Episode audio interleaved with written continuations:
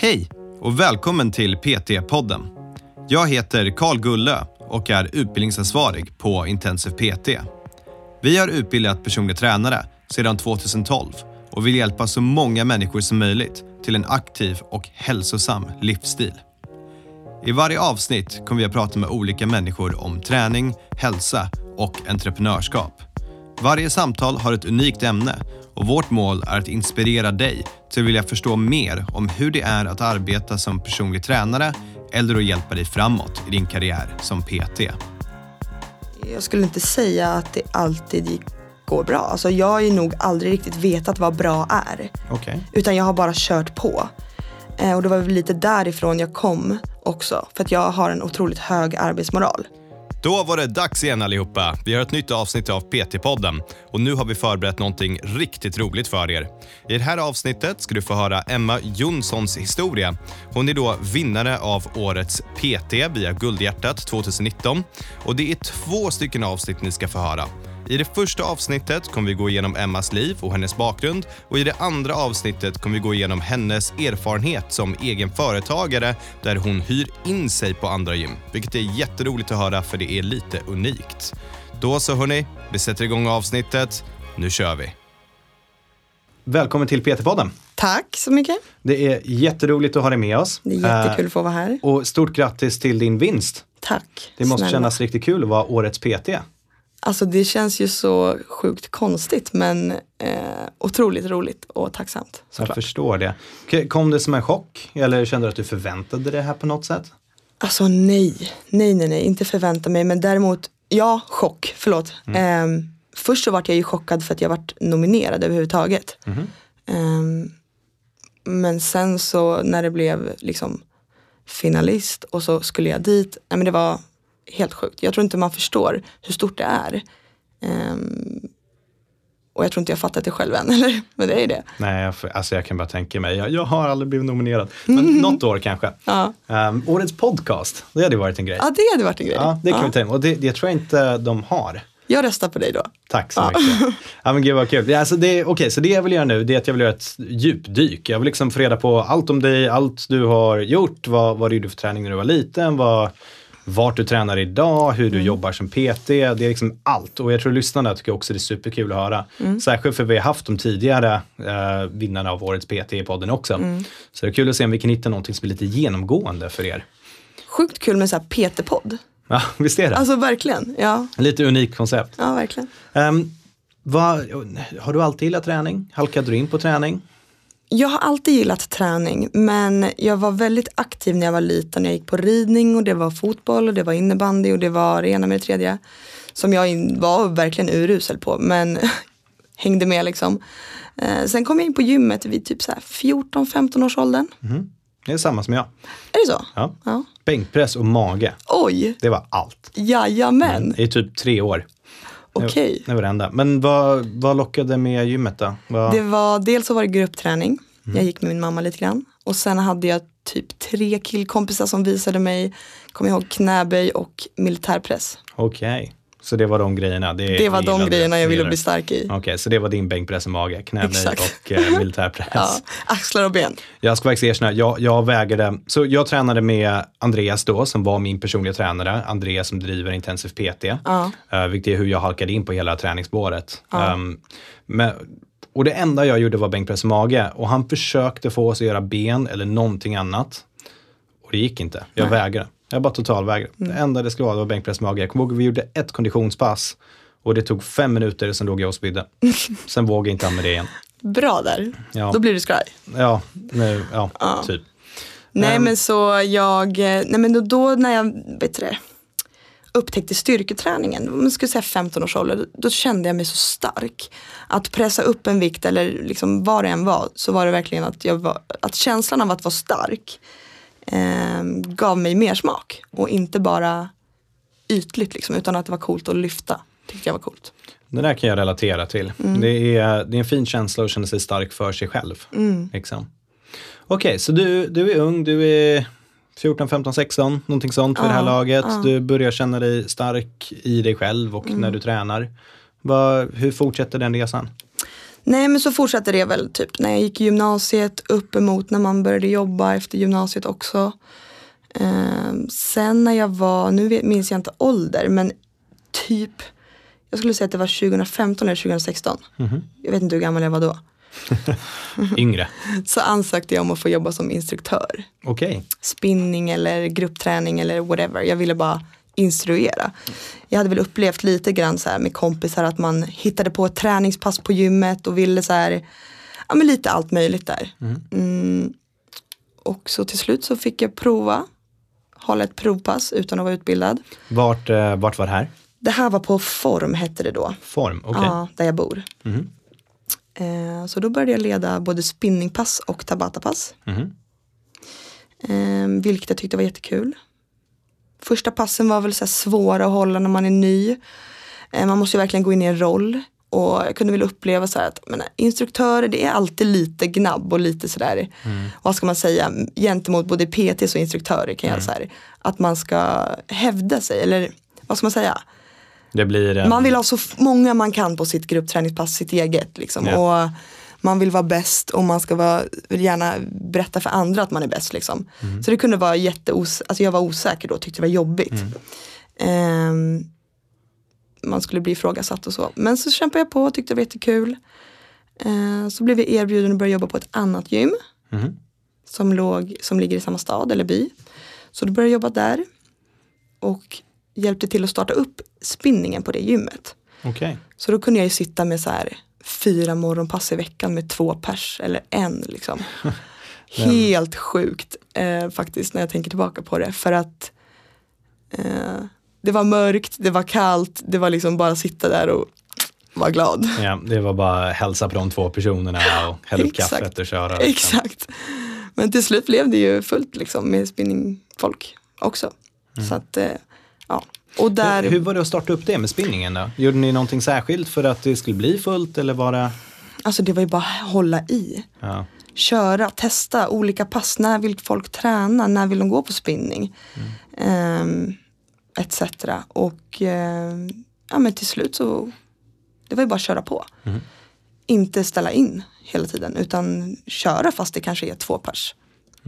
Det, det där tror jag kan vara en bra sak att trycka på. För det, det känner jag också igen från typ när jag pratar med Pisha och Charlotte och andra människor. Att, ehm, och även Kim som också vann förut. Att när de har haft typ utomhus bootcamps och sådana saker. Att även om det inte kommer så mycket människor.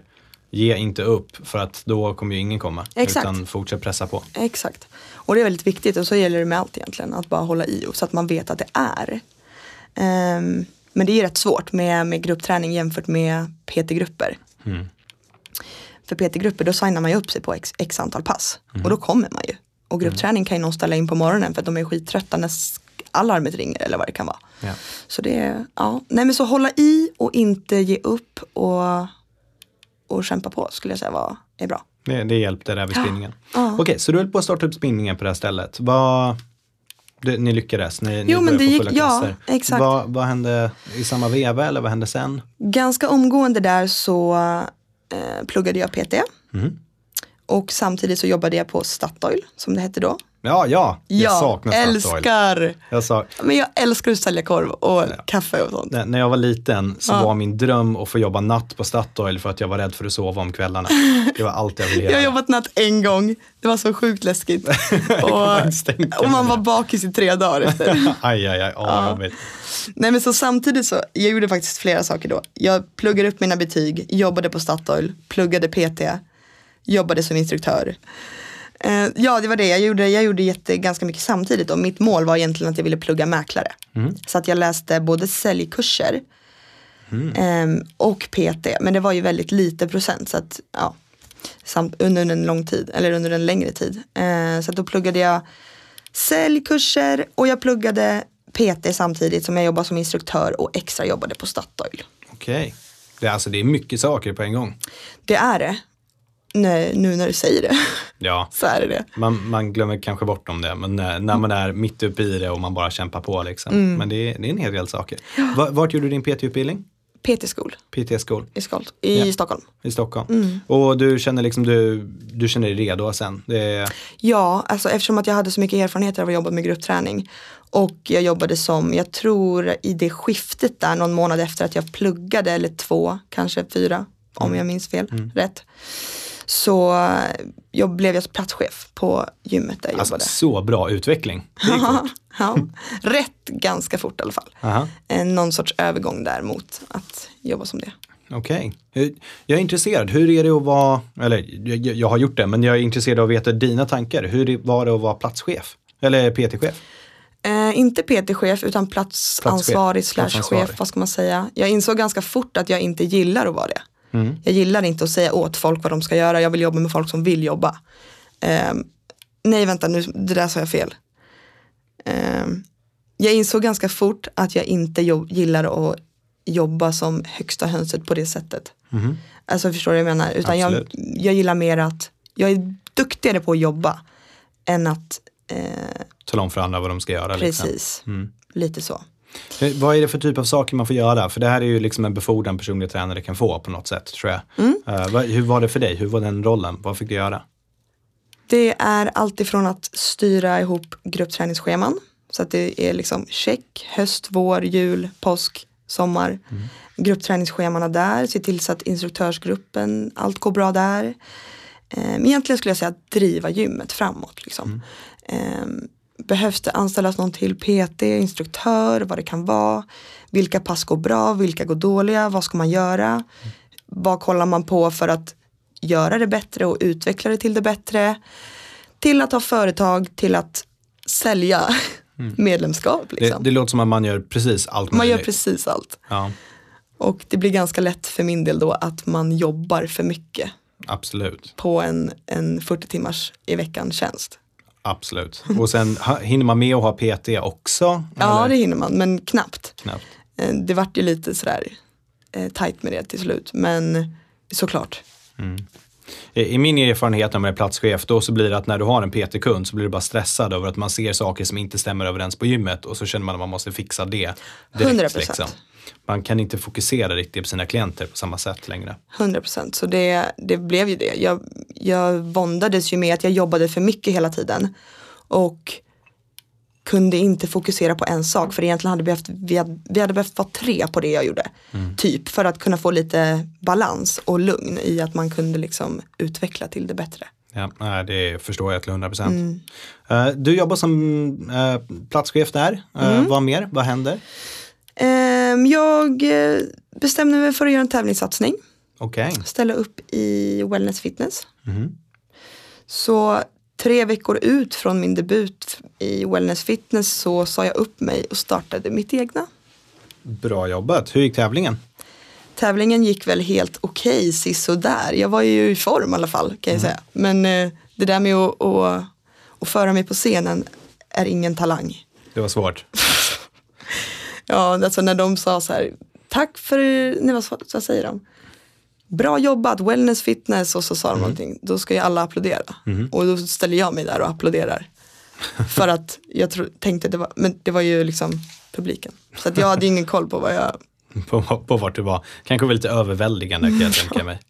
Det måste varit lite så här skumt att stå på scen och ha massa människor som står och kollar på en. skitskumt. Alltså det var så skumt. För jag tittade ju bara på grannarna som man stod bredvid och bara så här, men ni är också snygga. Och så ska jag då ta plats och bara, här är jag, snygg, sexig. Alltså det var inte så, så kul. Nej. Ehm, men det är ju också kul. Alltså det är både kul och, och ja, jag vet inte. Ja, men det är lite skrämmande men ändå roligt. Liksom. Ja, Ja, jag tror att stå på scen är nog det sista någon vill se mig göra. Ehm, så vad, vad, hände, vad hände där då? Du, du gjorde det och så startade du företag direkt efteråt. direkt innan, Direkt innan till och med. tre veckor ut. Kaxigt. Ehm, ja, jag tror inte, jag hade nog ingen val där. Utan det, jag gick ju mot det, det spåret. Och sen bara så här, nu kör jag. Okej. Och vad, vad fick dig att vilja starta eget? Nej men jag ville ju jobba för mig själv. Och inte slita för mycket timmar hela tiden åt någon annan liksom. Och inte få göra det jag tycker är kul. Det blev ju till slut så här att man, man ska laga maskiner och det är liksom, det är så mycket att hålla koll på. Och man behöver nog, eh, jag vet inte. Jag fick inte göra det jag ville. Alltså jag fick göra det jag ville. Men det var för mycket att göra så att jag inte kunde göra det jag ville. Jag kan tänka mig det. Mm. Så vad, när du startade eget, vad var, liksom, var, var du kvar på samma ställe eller flyttade du vart du arbetade utifrån eller ändrade din affärsmodell? Planen var ju att jag skulle jobba kvar en del. Mm. Um, och sen så började jag jobba på gymmet Sverige som är både Uppsala och Stockholm då för min del. Mm. Um, så att då blev det att jag var tvungen att liksom rent ekonomiskt, man hyr in sig på olika gym och mm. betalar en hyra för att få utöva sin, eller vad säger ha sin verksamhet där. Yeah. Och då fick jag ju så här, okej okay, vad kommer ge mig mer och mindre och liksom ta beslut där. Så planen var ju att kunna vara på alla tre ställen. Mm. Men en period så var jag bara på gymmet Sverige. Mm. Och alltså det var ju jättesvårt och läskigt. Och jag hade ju min trygghet i Knivsta, på RA där jag jobbade mm. liksom. Där man visste vad man fick om man anlitade mig. Eller liksom mm. det var kanske, ja men jag var trygg där. Och så skulle jag då komma till Uppsala där jag, där, däremot hade jag ju tränat där själv. Mm. Så det är egentligen inte, det var ju inte främmande men det var främmande att kliva in i jobbrollen där. Mm. Absolut. Alltså så här, man har inget skåp, man har ingenstans att ha sina grejer. Eh, ja men du vet, bara sådana grejer var ju liksom obekvämt till en början. Mm. Otryggt. Jag kommer ihåg att jag, jag tror jag bröt ihop flera gånger och bara kände jag är inte hemma här, jag vill inte vara här. Nej, Men jag vill ju det. Ja, och där är det svårt när man är egen också. Då, är så, då har du ingen riktig kollega eller något sånt. Man kan jag hade ingen. Vara ledsen liksom. till. Man, man, är själv. Ja, man är det. Och då kommer jag ihåg att jag skrev, jag la ut det faktiskt på sociala medier ganska nyligen. Så här, jag vill inte vara ensam, jag känner mig så jäkla ensam. Mm. Och inte hade någon att bolla någonting med. Mm.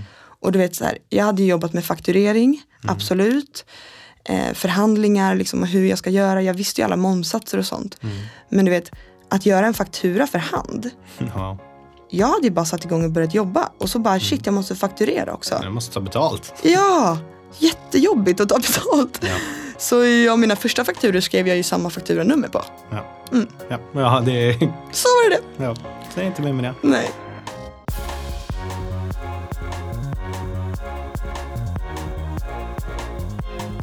Wow, vilken tjej och vilken energi hörni.